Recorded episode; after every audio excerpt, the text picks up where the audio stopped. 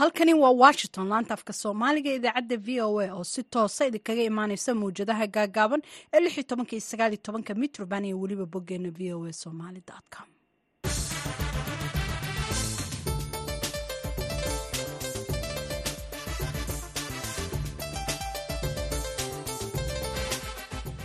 subax wanaagsan dhegeystayaal waa aroornimo talaadaha saddex iyo tobanka bisha febraayo sanadka labada kun iyo afar iyo labaatanka. Idaacadda saaka iyo caalamka waxaa idinla socodsiinaya anigoo ah falastiin axmed iimaan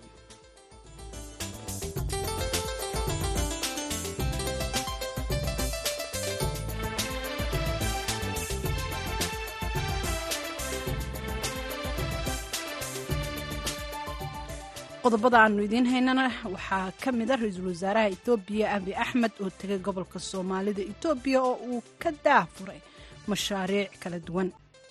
Mashaariicda xadhigga laga jarayeen waa mashaariic horumarineed kaabayaashii dhaqaalaha waxaa ku jira garoonkii terminaalkii goday mashaariic badan oo jigjiga laga xarig jaraya iyaguna jira. Meelo badan oo la dhagax dhigayaa jira. Waxaasoo dhan waan uga mahad celinaya ra'iisul wasaaraha jamhuuriyadda federaalka etoobiya waanan soo dhoweynaynaa waanan ku faraxsannaha xanuunada dhimirka oo laga wacyigelinayo soomaalida qurbaha. Waxaa kaloo aanu idiin haynaa maxkamad ku taalla dalka holland oo soo saartaa amar ay dowladda ugu sheegayso joojinta qalabka diyaaradaha dagaalka ee israa'iil laga iibin jiray ciyaarihii iyo qodobo kale. Marka horese ku soo dhowaada warkii caalamka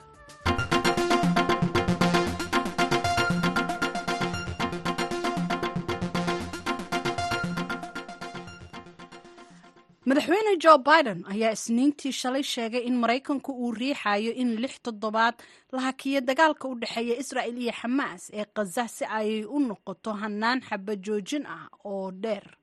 Biden iyo boqorka dalka urdun cabdallah ayaa hadlay kadib markii labada dal ee xulufada ahaa muddada dheer ay wadahadallo ku yeesheen guriga aqalka cad wadahadalkooda ayaa diiradda saaray liis adag oo caqabado ah oo ay ka mid yihiin duulaanka dhulka ee israa'il ee koonfurta khaza iyo weliba khatarta masiibo bani aadanimo oo soo food saarta rayidka falastiiniyiinta.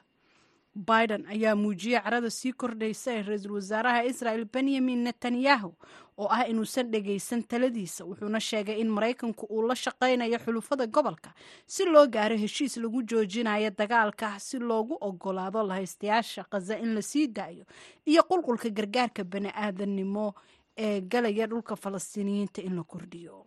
Heshiisku waxa uu ku bilaabmayaa in la hakiyo dagaalka ugu yaraan lix toddobaad kaasi oo aan markaasi qaadan karno waqti si aan u dhisno wax sii waara ayuu yiri biden. Kadib markii biden uu hadlay waxaa isna ku xigsada boqor cabdallah oo soo cusboonaysiiyey codsigiisa xaba joojin ballaaran lagu gaarayo. Iskama taagnaan karno xaalkuna sidan siima ahaan kara ayuu yiri waxaan u baahannahay xaba joojin waarta hadda dagaalka waa in la soo afjaraa.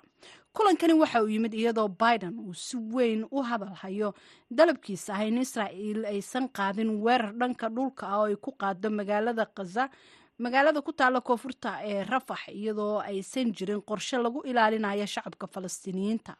Biden ayaa la hadlay netanyahu axaddii aqalka cadna waxa uu sheegay inuu ku nuuxnuuxsaday in howlgalka milatariga ee rafax in aanu sii socon iyadoo aan la helin qorshe la aamini karo oo la fulin karo oo lagu hubinayo badbaadada iyo taageerada. In dad hal milyan oo qof ah oo halkaasi gabaad u ah la sugo amnigooda. Xisbiga jamhuuriga oo sanado badan kadib dib u riixi waayey markii donald trump uu dhaleeceeyey nato ayaa aad u jahawareersan maalmahan.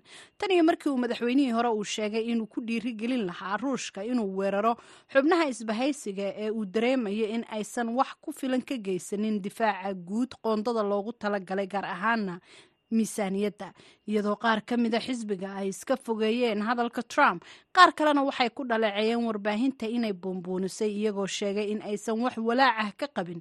Sida madaxweynihii hore uu ula dhaqmi lahaa isbahaysiga nato haddii loo doorto mar labaad doorashada nofembar ee soo socota isbeddelkan ayaa muujinaya isbeddel weyn oo ku yimid xarunta dhexe ee xisbiga jamhuuriga.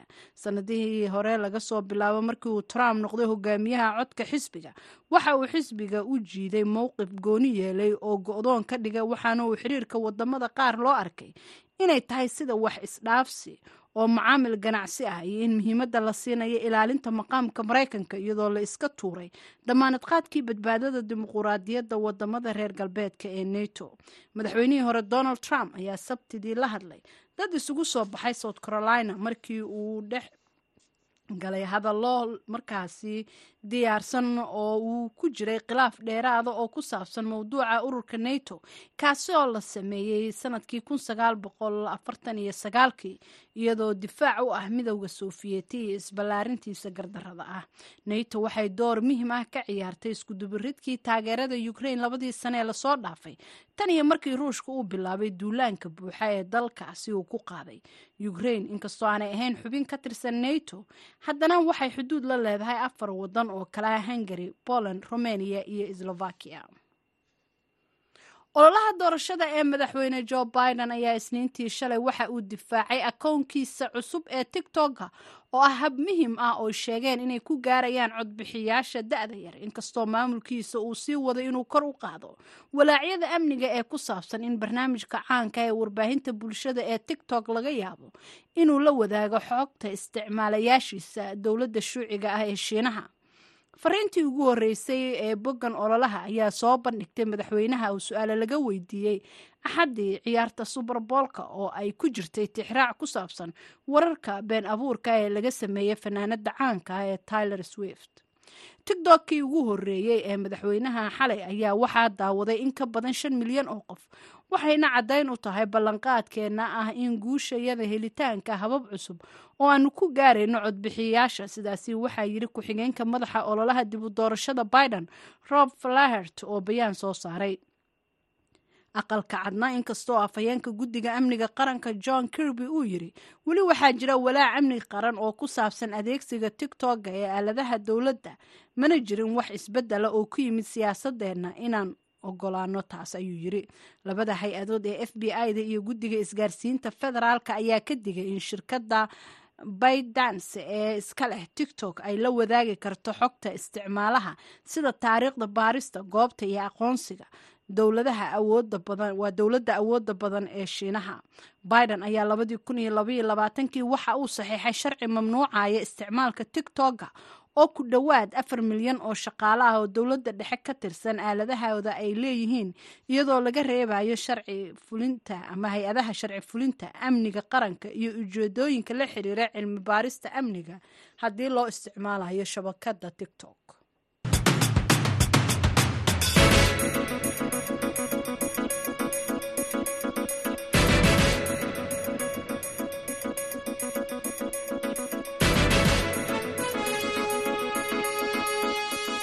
halkaad nagala socotaana dhegeystayaal waa v o a washington. Wafdi uu hogaaminaya ra'iisul wasaaraha etoobiya abi axmed ayaa gaaray deegaanka soomaalida isagoo xariga ka jaray mashaariic horumarineed oo laga hirgeliyey deegaanka oo ay ka mid yihiin garoon diyaaradeed oo casri ah oo laga hirgeliyey magaalada goday iyo mashaariic kale oo laga hirgeliyey magaalada jigjiga ee caasimada dowlad deegaanka soomaalida. Waxaana mashaariicdaasi la sheegay inay ku baxeen balaayiin lacagta wadankaasi ah. Warkan waxaa jigjiga ka soo diray wariyaha v o eda maxamed cabdiraxmaan gaata waxaa deegaanka soomaalida soo gaadhay wafdi uu hogaaminayo ra'iisul wasaaraha dalka etoobiya doktor abiy axmed islamarkaana ay ku wehelinayeen socdaalkiisani uu ku yimid deegaanka mas'uuliyiin sare oo federaal ah. Ayaa waxa uu wafdigani ugu horrayntii ka degay magaalada goday iyadoo ujeedka booqashada ra'iisul wasaare abiy axmed ay ahayd xadhika jarka mashaariica horumarineed oo laga fuliyey magaalooyinka goday iyo jigjiga. Waxa uuna ra'iisul wasaaraha waa doktor abiy axmede uu halkaasi xadhigga kaga jaray garoonka cusub ee diyaaradaha magaalada goday ee ugaasmiraad leyli kaasoo dhismihiisu socday muddo saddex sano ah islamarkaana ah garoon caalami ah oo ay hal mar degi karaan afar diyaaradaha nooca boyam loo yaqaano. Ra'iisul wasaare abiy axmed oo goobta ka hadlayaa sheegay in garoonkan uu yahay mid bixin doona adeeg hufan oo horumarineed ikhyaar miraad leyli waa gabadh uu dhalay ugaaska loogu magacdaray garoonka magaalada goday waxay tilmaamaysaa siday ugu faraxsan tahay in garoonkani loogu magacdaro magacii aabbaheed waxayna tidhi aad iyo aad waxaan u faraxsanahay meeshii aabbahay looleeyahay dad baa ugu dambaysay haddaan maanta iyadoo oo eraboor ah oo lagu magacaabay aan taagna aad baan u qiiraysnahay aadna waan u faraxsanahay waxaan u mahad celinayaa madaxweynaha annaga maxaan ku dhahay musdafe maxamed cumar oo aad iyo aad aan u jeclahay oo aad iyo aad arrintan ooga shaqeeyey iyo ra'iisul wasaaraha annaga sharafta leh. Oo maxaan ku dhahay asaguna maaliyadii iyo maxaan ku dhahay bixiyey aad iyo aad baan u salaamhaya aad iyo aadna waan ugu mahad celinayaa dhankooda qaar ka mid ah shacabka magaalada goday ayaa soo dhoweeyey garoonkan cusub ee loo dhisay. Garoonka wuxuu ahaa garoon militari xilliga xayli salaasi laakiin hadda garoon shacab baa laga dhigay ra'isul wasaarahana ka dhigay isagaa miisaaniyad u qabtay waa socodkii labaad uu noo yimaado. Mar kastoo noo yimaadana waxbuu noola yimaada iskama yimaado. Aad iyo aad baan ugu faraxsannahay ra'isul wasaaraha waana aad iyo aad waxaan ugu hambalyaynayna xisbiga barwaaqo xarig jarkaasi kadib ra'iisul wasaaraha dalka doctor abiy axmed iyo madaxweynaha deegaanka soomaalida mustafa maxamed cumar ayaa booqday mashruuca wax soo saarka waraabka beeraha ee galbeedka goday halkaasoo sharaxaad laga siiyey ra'iisul wasaare abiy axmed. Wax soo saarka beeraha waraabka galbeedka goday waxa uuna sidoo kale ra'iisul wasaare doctor abiy axmed iyo wafdiga uu hogaaminayey ay u soo gudbeen dhanka xarunta deegaanka ee magaalada jigjiga. Kadibna markii ay soo gaareen garoonka diyaaradaha magaalada jigjiga ee garaadulwaal waxaa halkaasi ku soo dhoweeyey mas'uuliyiinta dowladda iyo sidoo kale iyo odayaasha waxgaradka ee deegaanka. Garaad kulmiye garaad maxamed dool waxa uu ka mid yahay odayaasha dhaqanka deegaanka waxa uuna ka warbixinayaa dareenkiisa ku aadan imaatinka deegaanka ee ra'iisul wasaare abiy axmed iyo weliba mashaariicaha uu xadhigga ka jaray waxtarka ay u leeyihiin bulshada deegaanka. Mashaariicda xadhigga laga jaraya waa mashaariic horumarineed kaabayaashii dhaqaalaha waxaa ku jira garoonkii terminaalkii goday. Mashaariic badan oo jigjiga laga xarig jaraya iyaguna jira meelo badan oo la dhagax dhigayaa jira waxaasoo dhan waan uga mahad celinayaa ra'iisul wasaaraha jamhuuriyadda ee federaalka etoobiya waanan soo dhoweynaynaa waanan ku faraxsannahay dee waa run oo kaabayaashii dhaqaalahanku dhaqaalihii baa hormaraya terminaalka godi waa ogtahay jiingad baa laga dhoofaya jiingad baa laga soo degaya waxaan waxaan rajaynaynaa in loo sameeyo qaboojiyayaashii oo hilibka iyagoo qalanita laga sameeyo in laga dhoofiyo goday inuu international noqdo oo lagu soo dego oo laga sii degona waa waxyaalahan aan rabno inay noqoto. Mashaariicaha kale laga goynayo waxaa ka mid ah dee waddooyinka xafiiskii baarlamaanka. Waxaasoo dhan waa wax bilicda magaalada iyo jiritaanka ummadeed kor u qaadaya. Marka way ku mahadsan tahay dowladdu inay howlaha samayso. Wax badan buu deegaankani deegaanada kale dib uga dhacay. Weli ma dhowo waxay noo tahay in waxyaalo badan oo kalena la dhagax dhigi doono. Waan codsiga iyaguna uu ku jira in dowladdu fiiro gaara siiso maadaama deegaanada kale dib uga hadhay. Soddonkii sane ee dhibaatadu ay ka jirtay deegaanka ugaas axmed yuusuf habane waa mid ka mid a waxgaradka magaalada. Waxa uuna u sheegay idaacadda v o a in mashaariicahani xadhigga laga jaray ay wax weyn ku soo kordhinayaan horumarka deegaanka. Mashaariicahani wax weyn bay ka qabanayaan ay maanta xukuumaddu ay diyaarisay. Xadhigga laga jaray sida kuwii hore badan ay qabteenba ay wax badan u faa'iideeyeen. Taban waxaan leenahay xagga dhaqaalihii horumarka iyo quruxda magaaladaba intaba qayb weyn bay ka qaadanayaan nasasho kadib ra'iisul wasaaraha iyo wafdigiisa ayaa waxa ay booqdeen mashaariicaha horumarineed ee markaasi laga fuliyey magaalada jigjiga. Isagoo ugu horreynba soo indhaindheeyey waddooyinka laamiyada cusub ee markaasi laga hirgeliyey magaalada jigjiga iyo sidoo kale isbitaalka guud ee sheekh xasan yabarehe ee magaalada jigjiga iyo weliba dhismaha cusub ee golaha xildhibaanada dowladdeegaanka soomaalida kaasoo ay xadhigga ka jareen isku soo wada duubo. Ra'iisul wasaaraha jamhuuriyadda dimuqraadiga federaalka etoobiya doctor abiy axmed ayaa waxa uu inta uu joogo la filayaa inuu xadhigga ka jaro warshada daqiiqda iyo furunka taasoo deegaanka ay ka hirgelisay dowladda federaalka islamarkaana loogu talagalay inay ka faa'iidaystaan dadka danyarta ah sidoo kalena uu booqan doono wafdigani ra'iisul wasaaraha uu hogaaminayo mashaariice laga hirgeliyey nawaaxiga magaalada jigjiga. Maxamed cabdiraxmaan gaata v o a magaalada jigjiga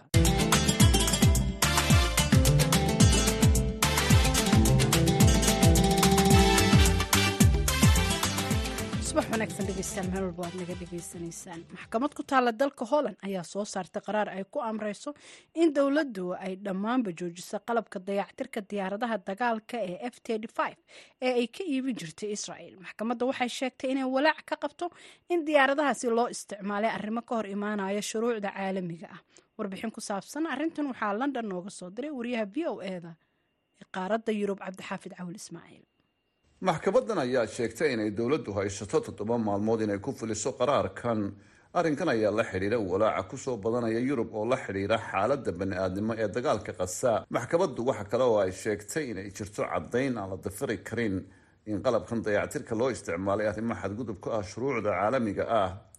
Hore dowladda holland waxaa dacwad ugu soo oogay hay'adaha samafalka ee dutch arm iyo oxford iyaga oo dalbaday in qalabkaasi laga joojiyo israael dowladda holland ayaa sheegtay inay rafcaan maxkamadda dalka ugu sareysa ka qaadan doonaan waxaanay ku doodayaan inay dowladdu xaq u leedahay inay dejiso siyaasadda arrimaha dibadda dalka. Wasiirka ganacsiga ee dalka holland geoffrey van lewen ayaa sheegay in diyaaradahan dagaalka ay muhiim weyn u leeyihiin ammaanka dalka israa'iil. Waxaanu intaasi raaciyay in joojinta qalabka dayactirka ee diyaaradahani aanay saameyn weyn ku yeelan doonin israa'iil waxa aanu nahay ayuu yidhi wadamo isku xidhan oo la shaqaynaya israa'iil. Arrinkanna waanu ka wada xaajoon doonaa joojinta qalabka dayactirka ee diyaaradaha dagaalka ee f saameyn weyn ma ku yeelan doontaa israa'iil? Su'aashaasi ayaa weydiiyey maxamed xasan dable oo ah falanqeeyo degan magaalada leicester ee dalka britain. Cabdi xaafid maxkamad hoose oo ku taalo dalka netherland ayaa go'aankani gaadhay. Sida la ogsoon yahay netherland waxay hoy u tahay maxkamadaha caalamka dhowr maxkamadood oo heer caalami ah bay xarun u tahay. Waxa keli ah ee saameyn ay ku yeelan karto dhanka israel waa in ay sumcad ahaan dhaawacdo maadaama ay maxkamadda qirtay in ay israel geysatay dacatiyo ka dhan ah bani-aadanimada iyada oo adeegsanayso diyaaradaha f sidaa daraadeed waxay maxkamadda ay xukuntay in lagu ciqaabo israel in aan qalabka lagu dayactiro diyaaradahaasi f five-ka ah aan looga dhoofinin dalka netherland laakiin israel taasi saameyn kuma yeelanayso dagaalka ay khaza ku hayso. Waxay haysataa maraykanka oo dagaalkana ku taageersan difaacayana haddii gurmad deg deg ay u baahatana diyaar oola ah. Dhanka kale dowladda netherland ayaaba ku taageersan israel dagaalka sida uu sheegay mas'uul sare oo israel ah oo yiri ra'iisul wasaaraha netherland wuxuu garab nagu siinayaa la dagaalanka argagixisada. Maxkamaddu markaa arrinkan ay dirtay waa fariin iyo symbolic ama ishaaro ay dirayso oo ay muujinayso in yacni xagga bini-aadinimada iyo xuquuqul insaanka ee dhaawac weyn loo geystay. Marka waxay un ka dhibaysaa xagga sumcadda israel laakiin dhanka dagaalka wax allaale iyo waxay saameyn ku yeelan doonto. Haba ee ma jirto dalka holland waxaa ku yaalla xarumo waaweyn oo ay yeelaan qalabka dayactirka diyaaradaha f loogana kala diro waddamada codsada oo ay israa'iil ku jirto. Ilaa toddobadii bishii oktoobar maalintii ay weerarka xamaas qaaday kadib hal mar ayay israa'iil dalbatay qalabkaasi oo ay holland u dirtay. Duqaymihii israa'iil iyo weerarkii lugta ahaa ee qasa waxaa ku dhintay sida ay sheegtay wasaaradda caafimaadka falastiin dad ka badan sideed iyo labaatan kun oo qof badibana dadkii ku noolaa qasa oo ay tiradoodu gaadhayso laba dhibic saddex milyan oo qofna waa ay ka qaxeen. Israa'iil waa ay dafirtay inay weerarkoodu yahay dembiyo dagaal. Wasiirka xukuumadda israa'iil beni gantis ayaa baraha bulshada ku sheegay inuu la kulmay ra'iisul wasaaraha holland mark rutte oo booqasho ku jooga dalkaasi wuxuuna soo dhaweeyey go'aanka rafcaanka ee ay dowladdu qaadanayso. Cabdi xaafid cawil ismaaciil v o a london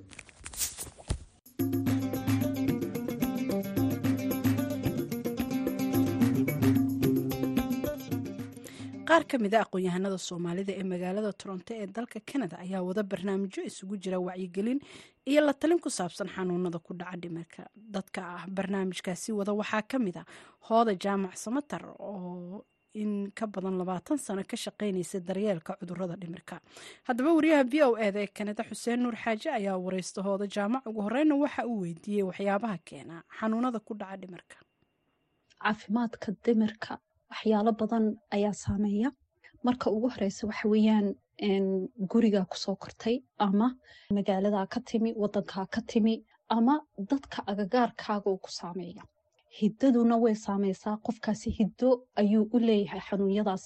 Ayaan inta badan aan iraana qofku hadduu letsay hooyadii ama aabihii ama adeerkii ama awogii uu qabay uu la dhibaataysnaa caafimaadka dimirka waxay u leeyihiin hiddo inay qaadaan balwaduna way saameysaa qofku hadduu balwadda aada u isticmaalo way saameyneysaa caafimaadka dimirka ama xanuunyada oo jirka ah marmar qofku ama macaan buu la dhibaateysanaya macaankuna iyo waxa isku xiran iyo warwarka marka anxietigoo kale iyo waxay isku xiraan dhakhtaradu inta badan iyo macaanka wadna xanuunka waxyaalahaas oo caafimaadka jirka ah wuxuu saameyn karaa caafimaadka dimirka waa tahay soomaalida marka laga hadlayo ilaa intee buu gaarsiisan yahay fahamka ay ka qabaan ee xanuunada ku dhaca dhimirka hadda soomaalidu muddo afartan sannadood ayay iminka joogaan ay degan yihiin canada dadkii ugu horeeyey soo galay inta badan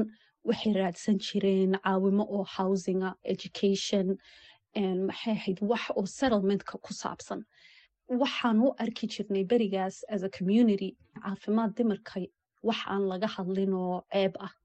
Dad badan baa markaa ka soo qayb galay inay wacyigelin badan geliyaan communitiga oo la fahansiiyo soomaalida bulshada ku nool toronto iyo magaalooyinka waaweyn ee canada. Inaa la siiyo daraasad oo ku saabsan caafimaadka dimirka.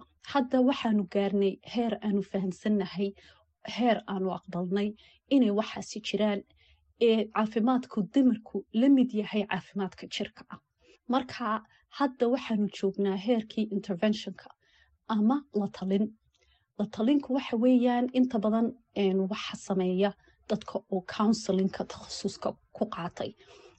Psychotherapistska ah social workers psychiatrist. Soomaalidu way ku yaryihiin inay access gareeyaan counseling laakiin haddaanu bilowbaynaa inaan dadka aan la wadaagno counselinku siduu muhiim u yahay qaab noocee baad u caawisaa dadka qaba xanuunada dhimirka muddo toddobiyo toban sannadood baan la soo shaqaynayay dadka oo caafimaadka dimirka iyo balwadda la dhibaataysan muddo imika toban sannadood ka badan ayaan samaystay practice oo aan la shaqaynayo oo la talinayo dadka caafimaadka dimirka la dhibaataysan.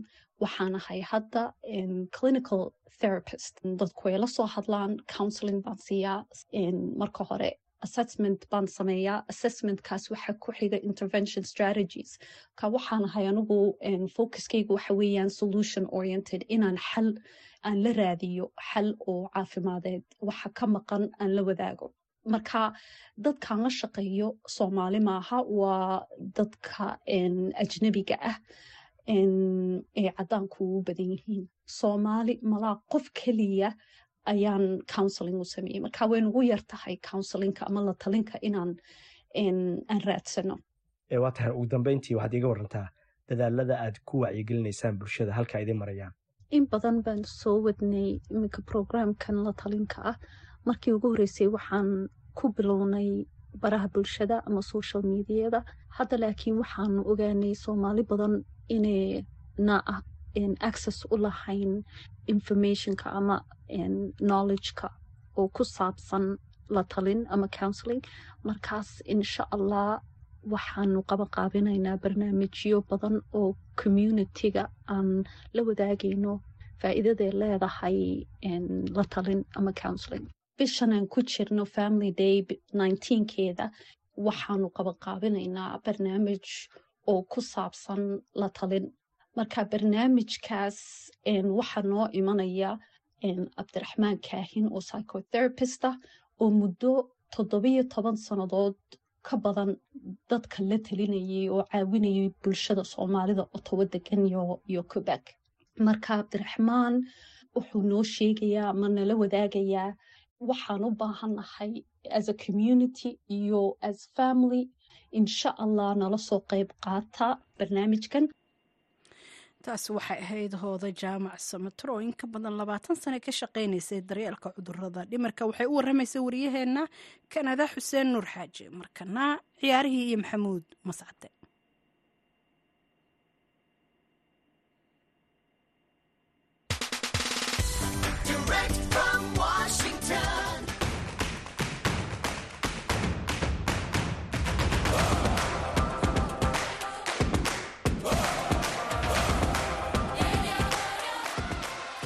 kuna wanaagsan dhegaystayaal dhammaantiinba kuna soo dhowaada xubinta ciyaaraha.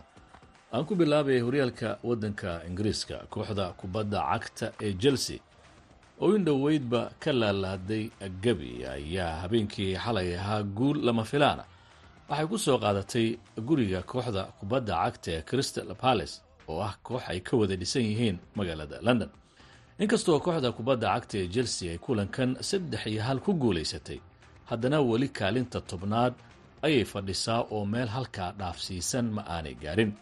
Waxaadna moodaa muddooyinkii ugu dambaysay in kooxda kubadda cagta ee chelsea ay bustaha dhigatay kaalimaha tobnaad iyo kow iyo tobnaad. Kooxda kubadda cagta ee chelsea oo mar ka mid ahayd kooxaha ugu magaca weyn horyaalka waddanka ingiriiska ayaa haatan la tilmaamaa inay ka mid tahay kooxaha dhexe amaba kuwa ugu hooseeya ee horyaalka waddanka ingiriiska. Arrintan ayaa soo socotay tan iyo markii kooxdan sida lama filaanka ahayd amaba dad badan aanay sugaynin loo gacan bidixeeyey milkiilihii kooxdan abramovig abramovig muddadii uu kooxda kubadda cagta ee chelsea majaraheeda hayay waxay ahayd koox lagu xisaabtamo magac weynna ku leh horyaalka waddanka ingiriiska iyo qaaradda yurub. Laakiin markii ninkaasi siyaasad ahaan kooxda lagaga saaray oo nin maraykanihii uu la wareegay kooxda kubadda cagta ee chelsea waxay u muuqatay kooxdu mid waddadii guulaha aan cagta saarin islamarkaasina iyada iyo guuluhuba ay kala cageen. Si kastoo ay tahaba kooxda kubadda cagta ee chelsea ayaa maalmahan u muuqanaysay in xoogaa yar oo isla qabsihii uu ka muuqdo marka la eego labadii kulan ee ugu dambaysay. Habeenkii xalay saddex gool iyo hal ayay ku suuldaartay kooxda kubadda cagta ee crystal balace inkastoo ciyaartu ay qaybtii dambe daqiiqadihii ugu dambeeyey guusha inteeda badan ay gaartay chelsea haddana saddex dhibcood oo muhiim u ahaa ayay guriga crystal balace ku soo qaadatay. Ciyaaryahan galagar ayaana laba gool u dhaliyey kooxda kubadda cagta ee chelsea halka ciyaaryahan fernandes uu gool qurux badan ciyaarta ku soo qatimay. Dhinaca iyo haddii aan jaleeco horyaalka waddanka talyaanigana kooxda kubadda cagta ee yuventus oo rajo ka lahayd inay ku soo dhowaato kooxda kubadda cagta inter milan ayaa rajadeedii waxba kama jiraan laga soo qaaday kadib markii udinesa ay gurigeeda hal gool iyo waxba ku martay. Sidaasina kooxda kubadda cagta yuventus weli kaalinta labaad ayay fadhisaa laakiin haatan toddoba dhibcood ayaa laga sarreeyaa waxayna u muuqan kartaa koox ay ku adkaan karto ku guulaysashada horyaalka waddanka talyaaniga. Xubinteena ciyaar intaan ku soo gabagabaynaya tani kulan dambe. Waa mascadoo idila sidaa iyo nabadgelyo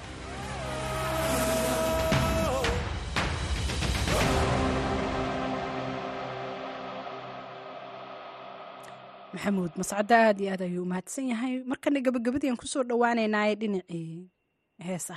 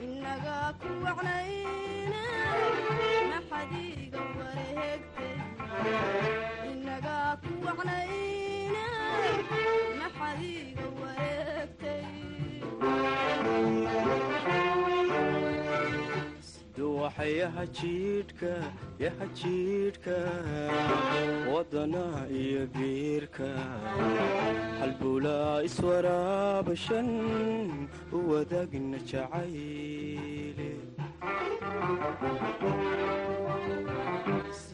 duwaxa yaha jiidhka yaha jiidhka wadana iyo biirka halbulaa iswaraabashan u wadaagna jacayle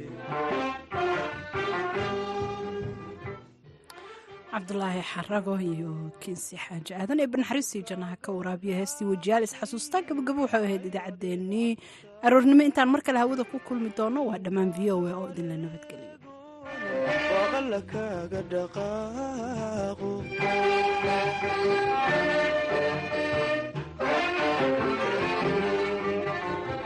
markuu kaaga waraaqshay ay wadeeca ku taabatay inankaaga wareego waqalla kaaga dhaqaaqo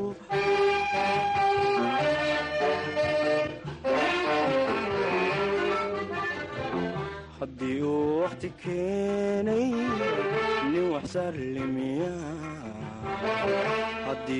wakhti